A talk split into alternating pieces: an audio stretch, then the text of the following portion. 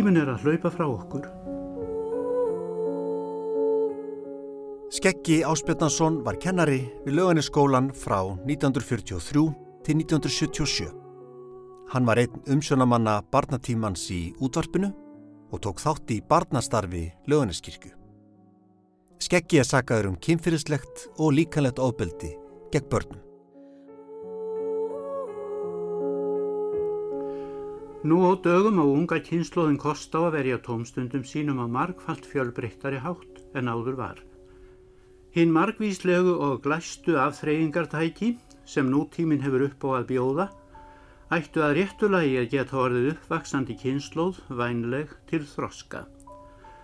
Samt læðist stundum að mér ljótur grunur um að við séum á góðri leið með að rjúfa tengslokkar við ímsa mikilvæga þætti íslenskrar menningar.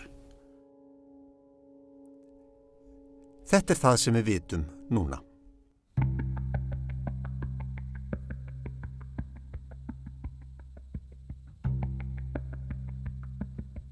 Það eru nokkrar ólíkar útgáfur af skeggja. Skólamadurinn skeggi, útvarsmaðurinn skeggi, skeggi sem spilað undir í barnaguðsjónustum, skeggi frændi sem var hversmanns hulufi í fjölskyldum hálsískina sinna. Svo er það ofbeldismadurinn skeggi. Hér eru stutt brot úr fánusögum sem gamli nefendur úr löganiskólanum hafa sagt mér. Ég var hjá skeggja í skóla árið 1968 þegar ég var sjóra. Var í erfiðum aðstæðum í lífinu sem barn og hann nýtti sér það til að nýðast á mér. Let mér standa fyrir framann bekkin og sagði Svona skuli þið ekki verða, eins og þessi. Látið hann vera. Ekki tala við hann. Ekki leika við hann. Þetta var ekki kynferðislegt ofbeldi, heldur var hann skeppna, gagvar dreng sem var einn og leið illa. Ég gleymi þess aldrei. Hér er önnur frásögn. Ég var í Abek hjá Skeggja frá 1960 til 1966.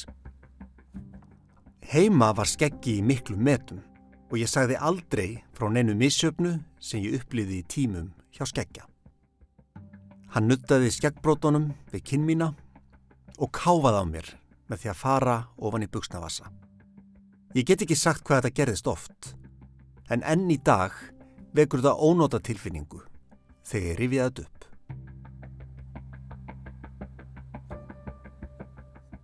Hér er einn frásög til. Ég er fætt 1963 og var í bekk hjá skeggja. Ég var 10 eða 11 ára. Ég man eftir að hann stóð upp við töfluna með stóra reglustryggu með handfangi og krotaði línu eftir stíkunni á töfluna. Ég var beðinum að áætla hver laung línan væri í sentimetrum. Ég kem þarna upp og segi einhverja tölum. Úr þessu varð hellirina leikrit þar sem hann byrjaði á því að hlæja hæðnislega að mér. Hann kallaði fram í skólastofuna að ég var í ófarum að giska á nokkurt skapaðan hlut, hvort sem það var lengt línunar á töflunni eða eitthvað annað. Hann gekk svo langt að spá fyrir um framtíð mína að það yrði aldrei neitt úr mér. Stúlka eins og ég sem kæm úr fátakri fjörskildu, yngst sex sískina með eina fyrirvinnu, geti aldrei orðið annað en eiginkona einhvers róna og myndi alast líku manni hrúu af börnum. Og svo er það sagan af Elinborgu Aðils. Hans hafði eitthvað nefn háttina og hann spurði alltaf eftir einhver frí, mann ekki hvort var jólafrí eða sumafrí, spurði hann alltaf stelpuna hverjar fengur sér lokka og flestar sagði ekki neitt nema ég, svo barnalega ég lyfti hönd og ég, að því ég satt fremst og ég vissi að hann myndi sjá að hvort þið er. Og hann kemur og segir má ég sjá og ég bara já, já. Og hann rýfur niður úr mér lokkin. Þetta stendur upp úr skólagöngunni þarna, ég getum sagt það. Þessi árás? Já, þessi árás. Ég man bara eftir, svo er ég heima á leiðinu heim í strætó, grátandi og blæður og fyrir til mömmu. Svo man ég ekki það bara sjokki þegar hann gerir þetta. En hitt svona eitt neginn hverfur. Þannig ertu tíu ára, þetta er þá 1975. Já, líklega. 1975.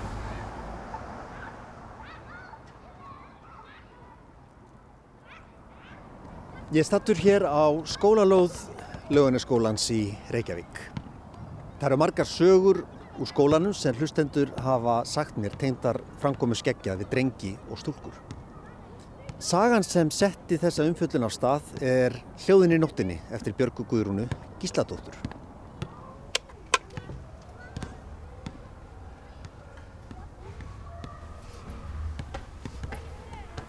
Mattildur Guðni, Guðmundsdóttir Ekkja Jóns Freys Þorrenssonar, kennara, yfirkennara og skólastjóra hér í löðuniskóla, hafði stór orð um formála og eftirmála bókarinnar sem þú skrifaðir Björg Guðrún. Mattildur sagði þetta að vera meira og minna hauga lí. Hvað segir við því? Það er lítið að þetta segja um það. Ég segi nú bara óskup lítið um þetta. þetta það, það kom mér á óvart uh, hvernig hún lísti þessu.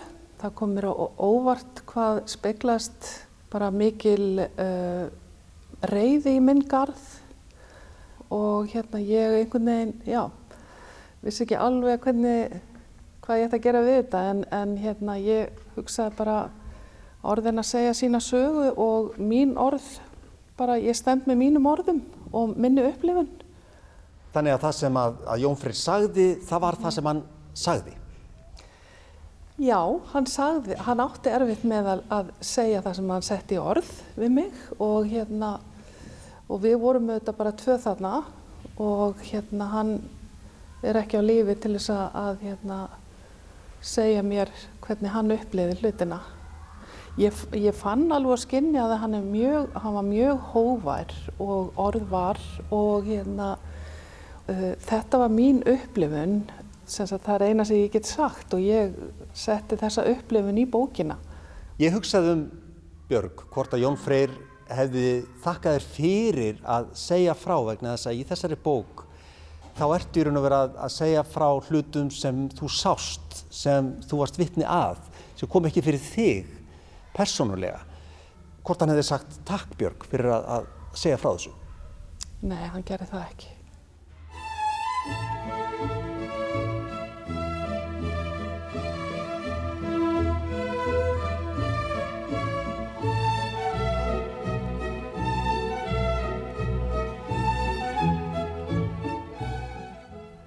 Þegar við sem komin erum yfir miðjan aldur hverfum í huganum til líðuna bensku og eskudaga, reyfjast hjarnan upp minningar frá þeim stundum er við áttum frí frá daglegum skildustarfum.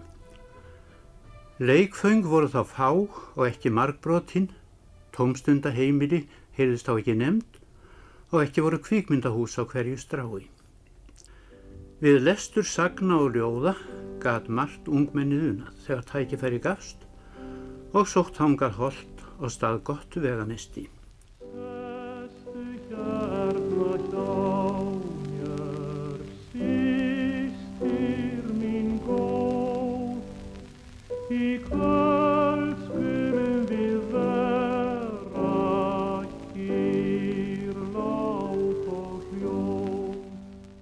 Kinnferðisbrótamaðurinn skeggi kemur sér fyrir í örugri stöðu, á örugum stöðum.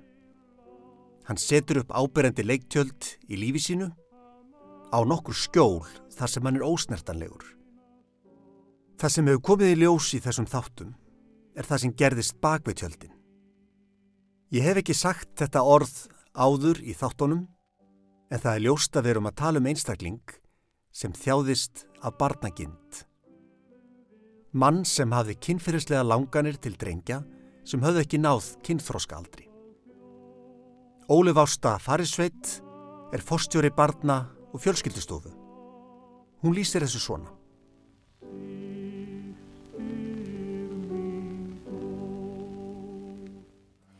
Flestir gerendur eru inn í þessu nærumkörfi sem eru þá bara inn á heimilónum eða það getur verið afi eða amma eða fadir eða stjúpfadir, kennarar, íþróttaþjálfarar skátafóringjar, einhverjir sem við vitum sem er að vinna með börnunum. Og þeir náttúrulega leita í þessi störf að vera í, í nánum samskiptu við börnin. Upplifa sig svolítið svona sem meira svona þeir fá meiri skilning hjá börnum og, og, og eiga kannski ekki alveg samleið með fullornum. Eh, og það eru þeir sem kannski á bakvið þessa, eh, þessa þeir sem eru svona petofílar eru þá margir, mörg börn. Það sé ekki bara einstakt atvik að ræða.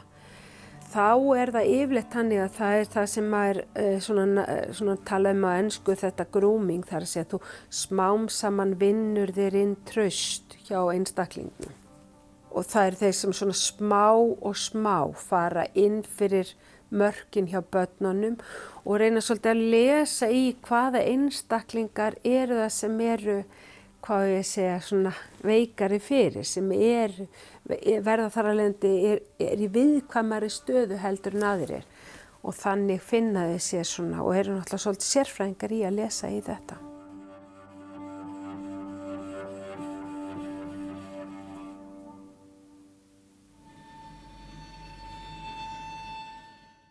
Kennarinn Skeggi kom fram á ólíkan hátt við nefnendur sína. Hann hjælt mikið upp á suma nefnendur, let mikið með þá sem honum líkaði við og voru frá góðum heimilum.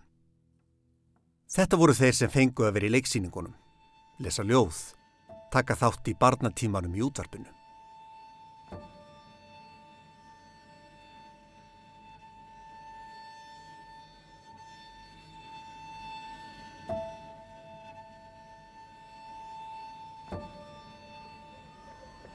Hvaða bekkur var þetta aftur sem, sem þú varst í? Var þetta annar af þessum svo kalluðu stjörnubekkjum skeggja? Já, ég held mér sé alveg óhætt að segja það. Þetta var 12 ára F eh, sem útskrifaðist úr eh, laugarniskólanum 1955. Ég kom inn í bekkin 10 ára gömul, ég fluttist að norðan frá Akureyri sumarið 1953 og byrjaði í skólanum, lögunaskólanum þá um haustið á Amalistægin minn, 3. oktober með Markusi Erni sem kannski þekktasti einstaklingurinn og begnum, Elvi Björk, Helga Jónssoni, fréttamanni, eh, Guðfinnur Ragnarsdóttur eh, og sem sagt, hvað, 25 í viðbútt, rosalega flottir krakkar og þannig er það bara og það ringir inn núna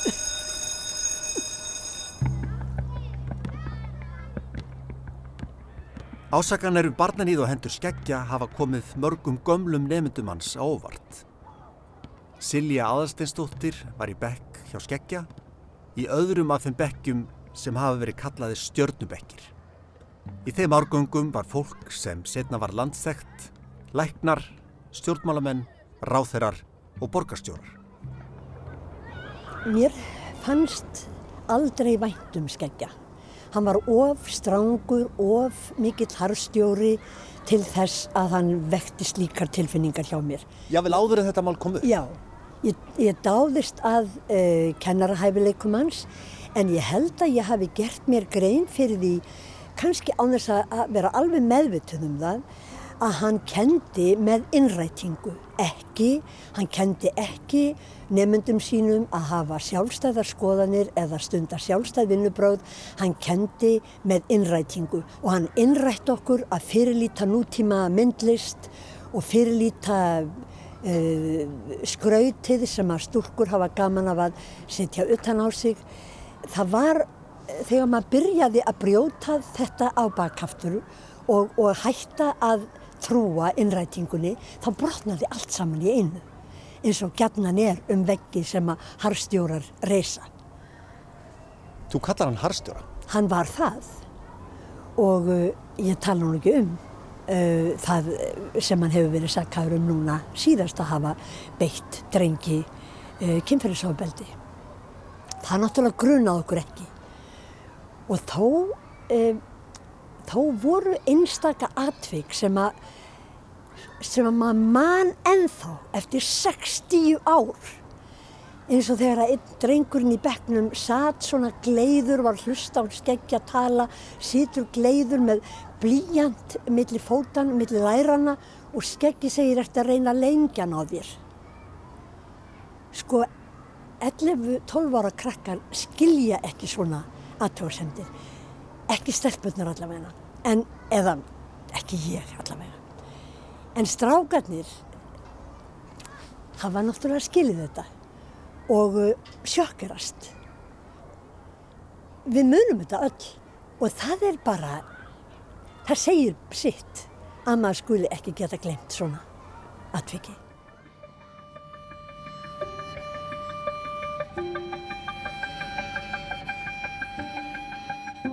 Flokkar fuggla sem við sjáum fljúa í söður átt á leið til sólarlanda minna okkur vafalust á hópferðir sem við höfum ef til vill sjálf tekið þátt í til gagns og ánægju.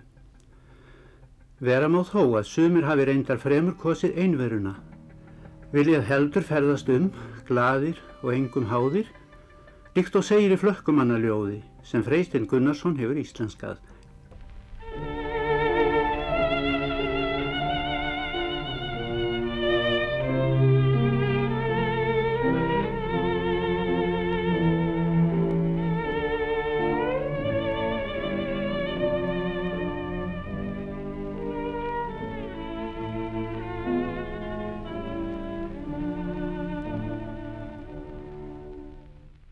Útvarsmaðurinn skeggi sá um þætti í útvarpinu um áratugaskeið.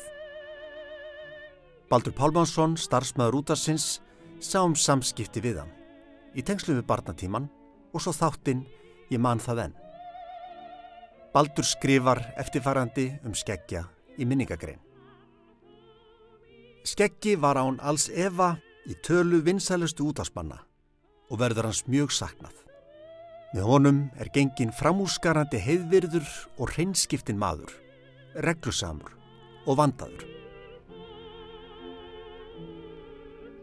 Samt verðist enginn hafa þekkt skeggja neinu ráði í útvarpinu. Þeir sem unnu mest með honum voru tæknimennir sem lýsa skeggja eins og svo margir aðrir sem einfara.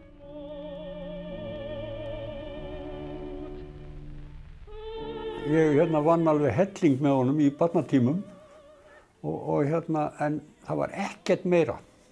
Það var bara verkefnið sem við rættum um sko og, og ekkert, ég vissi ekkert hvað hann, hvað hann var annars að gera þegar hann var ekki að taka upp í útvarpinu. Ég hef ekki hugmynduð um það sko. Þóri Stengrinsson var tæknimaður hjá Ríkisútvarpinu frá 1969 í alls 42 ár. Þetta var allt svo vel undibúið hjá honum sko, skipulagt sko. Allt eftir handriti. Já, af því að ég hlustaði nú barnatímanu hjá skeggja þegar ég var krakki sko. Mér fannst eiginlega gaman svo þegar ég kem hann sko, það svona rifjaðist upp sko, svona gömul kynni sko. þá var ég allt í hennu sestu við, við mixerinn og, og fann að taka upp barnatímanu sem ég hlustaði á. Mér finnst eiginlega gaman að hlusta á það því að þeir voru nákvæmlega eins sko. Þetta var sama munstrið sko. Hann var alveg óbreyttur, ekkert helvítis, engin nýmanni sko. Ekkert, enga nýjungar.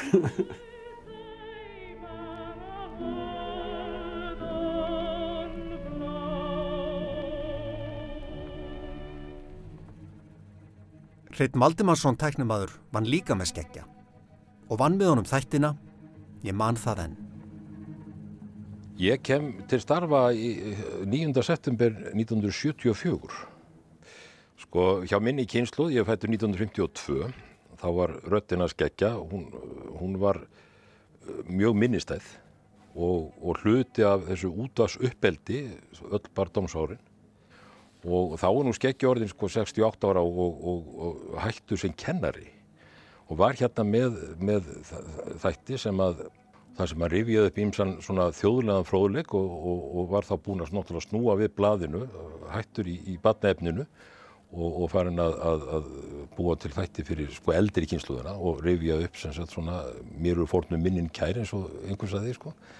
Og þetta voru hansi skemmtilega þetta, þetta voru þetta hefur líklega verið alveg frá uh, því líklega einhver tíman 1978 til alveg þangur til hann bara deyr. Hann, hann er bara þetta er bara eiginlega það síðasta sem hann gerði og, og, og oft var hann annan hvert förstudag klúan 11 á mótnana með þess að þetta og það kom í stúdiotíma oft svolítið fyrr heldur en hafði, hafði pantað og var það var svona lappað um gangar aðeins og var oft einn.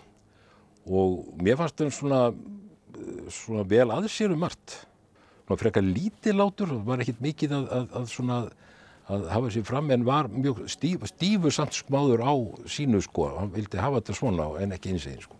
Það sem kemur svo fram fyrir um átta árum hrein, varðandi skeggja og þessi myndi brot hans í löðaniskólanum setur svo hans út að sögu svolítið í annað samhengi. Ég meina þetta er náttúrulega, þetta er svo sérstatt og, og sérkjörnlegt hvað maður er alltaf að heyra eh, nýjar og nýjar sögur af fólki og mönnum, sérstaklega gattmönnum sem að eru, sko, maður segir, hvað segir þau?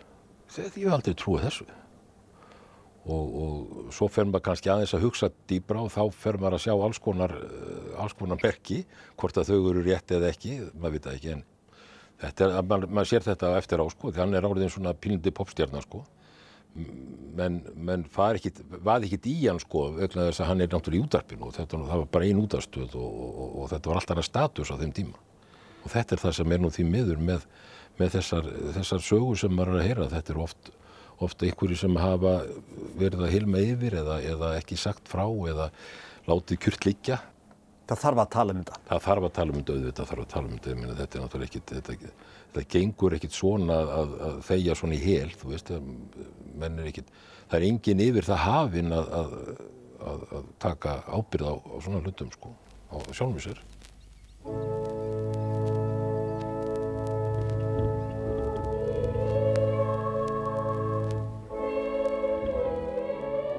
Kirkjumadurinn Skeggi spilað undir í barnaguðstjónustum hjá Sera Garðar í Svafasinni. Sera Garðar þjónaði löðunissókn í 40 ár og leta störfum árið 1976.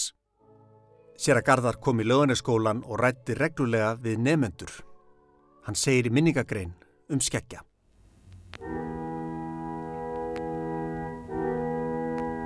Verið karlmannlegir, verið styrkir allt hjá yður sé kærleika gjört.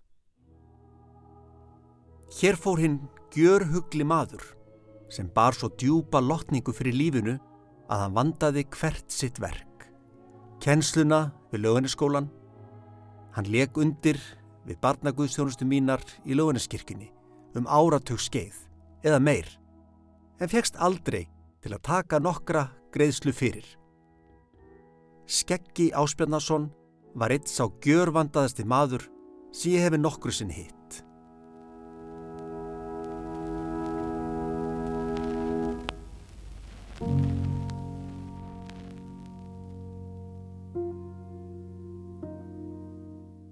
Sér að Jón Dalbú Hróbjarsson sem tók við af sér að Garðari segist ekkert hafa hitt skeggja eða haft neitt af honum að segja.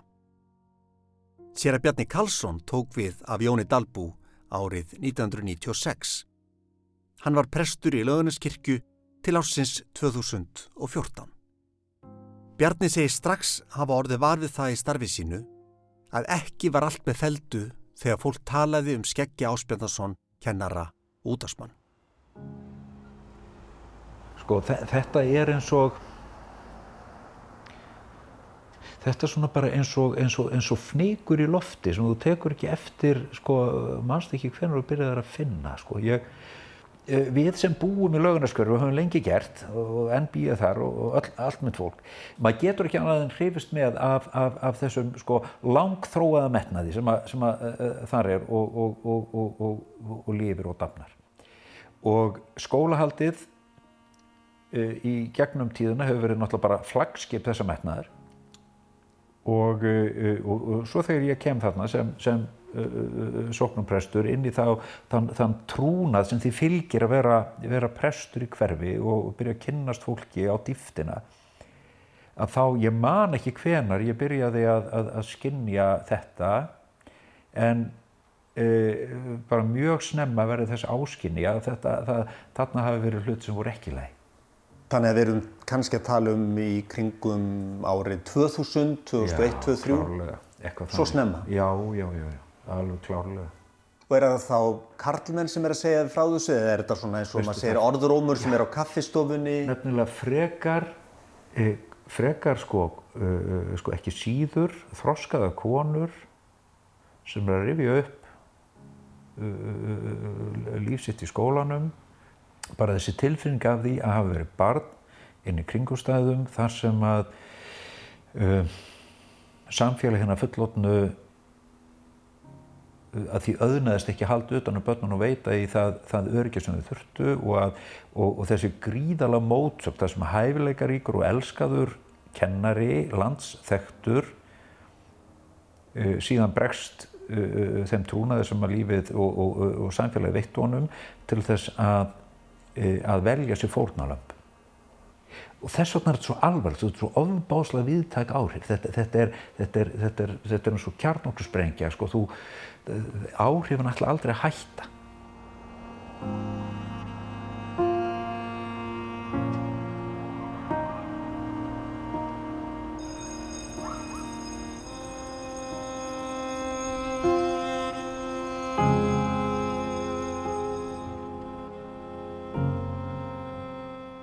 Ragnar Þorsteinsson, fyrirverandi sviðstjóri hjá Reykjavíkuborg, var í lögunaskólanum frá 1958. Honum leið alltaf vel í skólanum. Ragnar sagði í viðtali við fréttaþáttinn Speilin ára á seitt fyrir átta árum að þeir sem hefðu lendi skeggja gætu fengi hjálp sálfræðings. Það voru sára fáir sem höfðu samband við borgina. Ég fór bara einfallega að hugsa, ég yrði að bregðast við sem embætsmaður til þess að þessir einstaklingar, ef þeir kæminu til borgarinnar til þess að leita aðstóðar, að þá lendur ekki á einhverjum kerfisvegg. Því að þetta gerist náttúrulega eins og allir vita undir formerkjum ríkisins. Borgin tekur síðan við 1996 þessu skóla og ég nefndi í, í viðtalinu símanúmer Reykjavík borgar. Eh, síðan bara gerist ekkert meir í mínu, minni stjórnsýslu í þessu máli. Það er einmitt næsta spurning eiginlega bara, Ragnar, hvað voru margir sem höfðu samband við ykkur hjá borginni, við þennan sálfræðing? Svo ég viti þá voru þið mögulega tveir. Ég man þetta nú ekki alveg því að fljótlega eftir að þetta gerist að þá, ég, þá hitti ég Guðrun Ögmundsdóttur sem var þá tengilegur vist heimilanemdar og nefni þetta við hana og hún virtist ekki þetta mál þá og segir mér að þau muni taka þetta mál og, og þetta geti orðið stort mál og síðar las ég það í bladagreinum eh, bladavittali við hana að alltaf tíu einstaklingar hefðu haft samband. En enginn kom til mín sem embæðsmann fyrir borgina og hafði samband og í, þessi sálfræðingur saði mér ef ég mann þetta rétt þetta væri líklega tveir sem hefðu haft samband við hann. Kom til greina fannst þér e, þrátt fyrir að bara tveir hefðust í fram Ragnar að borgin myndi hefja sjálfstæða rannsókn á, á þessu máli sérstaklega? Nei, það kom ekki til greina og það er náttúrulega mjög bara einfalt mál vegna þess að þetta var ekki að forræði borgarinnar, skólinn var ekki að forræði borgarinnar og við töldum það að þar sem vist heimilunemnd var farin að ræða við einstaklinga sem hefur lendið í þessu, þá væri þetta í farvegi, þannig að það kom aldrei til greina. Hva, hvað nú? Hvað gerist næst? Já, þú spyr mig, ég hef ekki hugmyndum það þósteinn, hvað gerist næst? Ég, þú ert í rannsórnavinnu og, og sannlega vonast ég bara til þess að, að sannleikurinn komi ljós og, og ábyrðin þeirra sem tóku eða eigana, hún verði skýr. Nógu búið að leggja þessa einstaklinga sem er alveg hræðilegt í sjálfu sér en ég get ekki sagt hvað nú, alls ekki. Myndur þú segja að þetta veri blettur á skólanum? Myndur þú segja það, sögurskólans? Auðvitað er þetta blettur á skólanum það er ekki nokkur einasta spurning að þetta er sko sérstaklega kannski þegar vegna þess að það er ekki búið að leysa þetta mál. Það er ekki vita hverju vissu. Það er ekki vitað hvort að, að einstaklingurinn gerði þetta án þess aðrir vissu eða hvort einhverjur voru raunverulega að hilma yfir. En þetta er flottu skóli í dag og hefur allatíð verið undir stjórn, skólastjórn sem er hér í dag og ég vona svo sannlega að þetta verði ekki blettur á skólanum þannig að, að hann fæli frá korki nýjamöndur nýja, kennara, nýja börn vegna þess að ég fullir það að þetta með betri skólum borgarinu.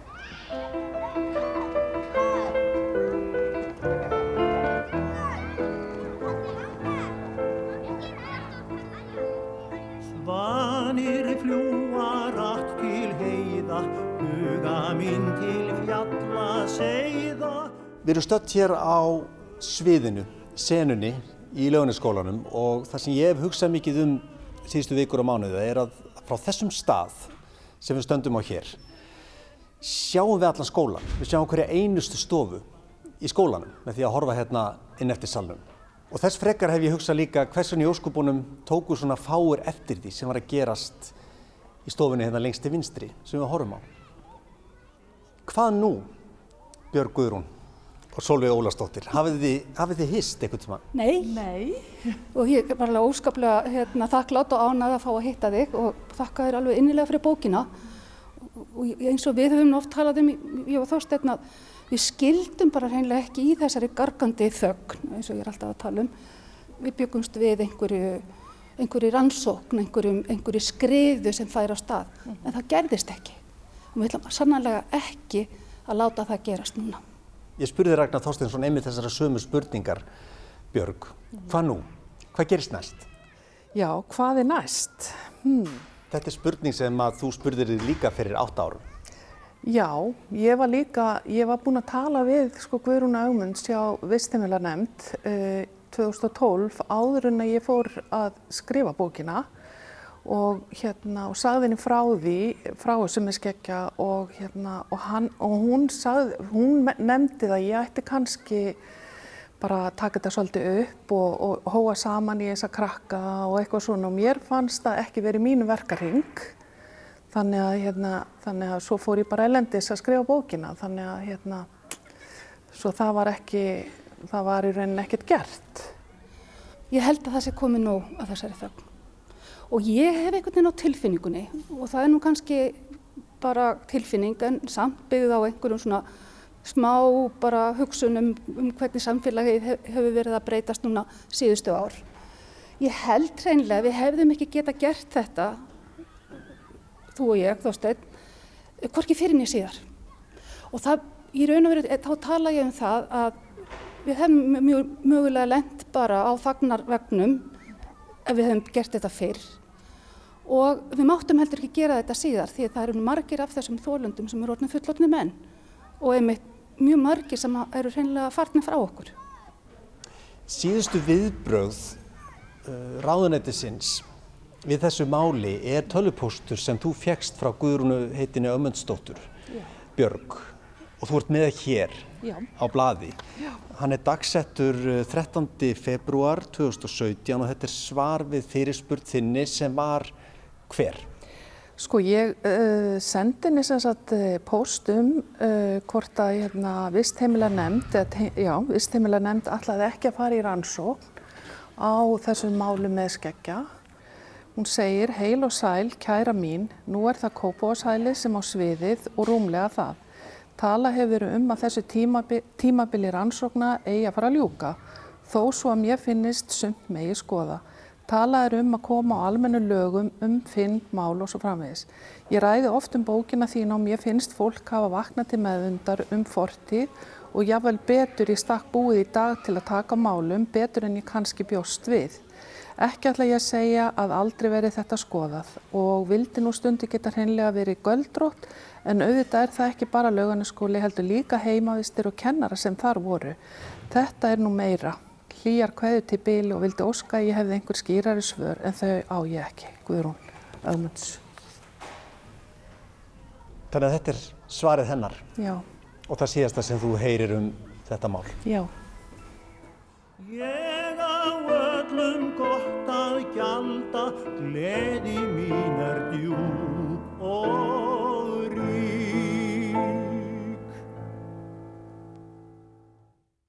Guðmundur Guðjónsson söng lag Sigfúsar Haldurssonar Vorsól, Stefan frá Hvítadal, Ortil Jóðið. Það hafa margir spurt mig þessara spurningar. Hvað misnotaði skeggi marga drengi í lögunarskólanum? Ég hef svaraði til að þessi rannsókn sé ekki keppni að finna sem flesta brotaþóla. Það er óásættanlegt ef eitt barn er beitt ofbeldi. Ég vil orða þetta eins og Guðrún heitinn Ögmundsdóttir. Hún var spurðum fjölda drengja sem sendir voru á Breiðuvík og höfðu sagt henni frá ofbeldi skeggja í löðuniskólan. Guðrún svaraði þessu svona.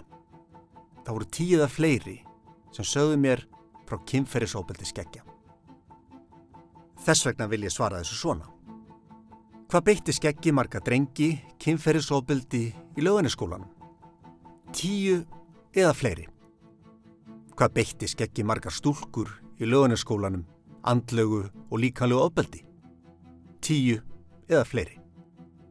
Hvað eru margir gamli nefnendur eða kennarar sem voru í löðuniskólanum sem draga í efa frásagnir brotaþóla eða finnst óþarfi að vera að rifja svona hluti upp. Tíu eða fleiri. Og svo er það brefið. Þegar stúlkonum í Bekk Garðarsvalls Jónssonar var nóbóðið, þá skrifuðu þær bref til skólastjórnans. Það var sennilega árið 1966 þegar þær voru útskrifast. Þær þorði ekki að skrifa það fyrr af óta við viðbröð skeggja. Þær Bekkja sýstur Garðars sögðu mig fyrst frá þessu brefi en þær treystu sér ekki til að koma í viðtal. Anna Björg Torsteinsson sem staðfesti frásög Garðars af kynferðisbrotum skeggja í Bekknum var eina af þessum stelpum sem skrifaði brefið. Ég man eftir þessu því við ætluðum svo sannarlega að fletta ofan á hannum og helst að láta rekan. Ég veit ekki hvað þetta bref er eða hvað stóð í því en önnur þessara, þessara kvenna sagði mér það að, að þær hafi verið svo saklusar og þið svo saklusar, eh, Anna. Já. Hún vissi ekki hvort þetta skrifa tippi með uppsölunni eða einföldu í. Já. Ég, ég, sko, þetta er mjög óljóst en ég man svo sannarlega eftir að við ætluðum að fletta ofan á hana. Helduru Anna að þetta bref hafi komist til Gunnar Skummussonar skólastöru? Já, þetta bref komst til hans.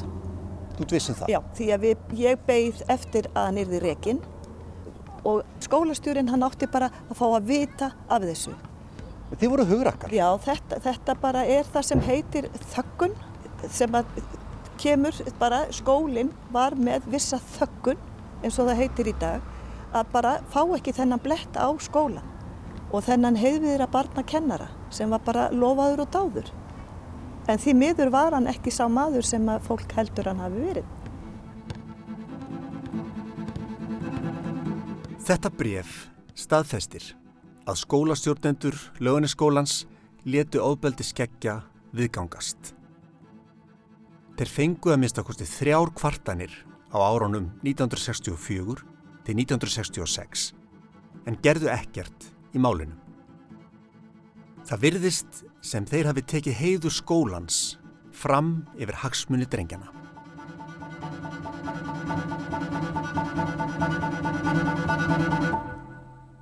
Tíminn leifur okkur ekki að halda lengra að þessu sinni. Ég þakka efni og aðstóð við gerð þáttarins og hlustendu kann ég bestu þakkir fyrir ánægulega samveru stund. Verðið blessu og sæl.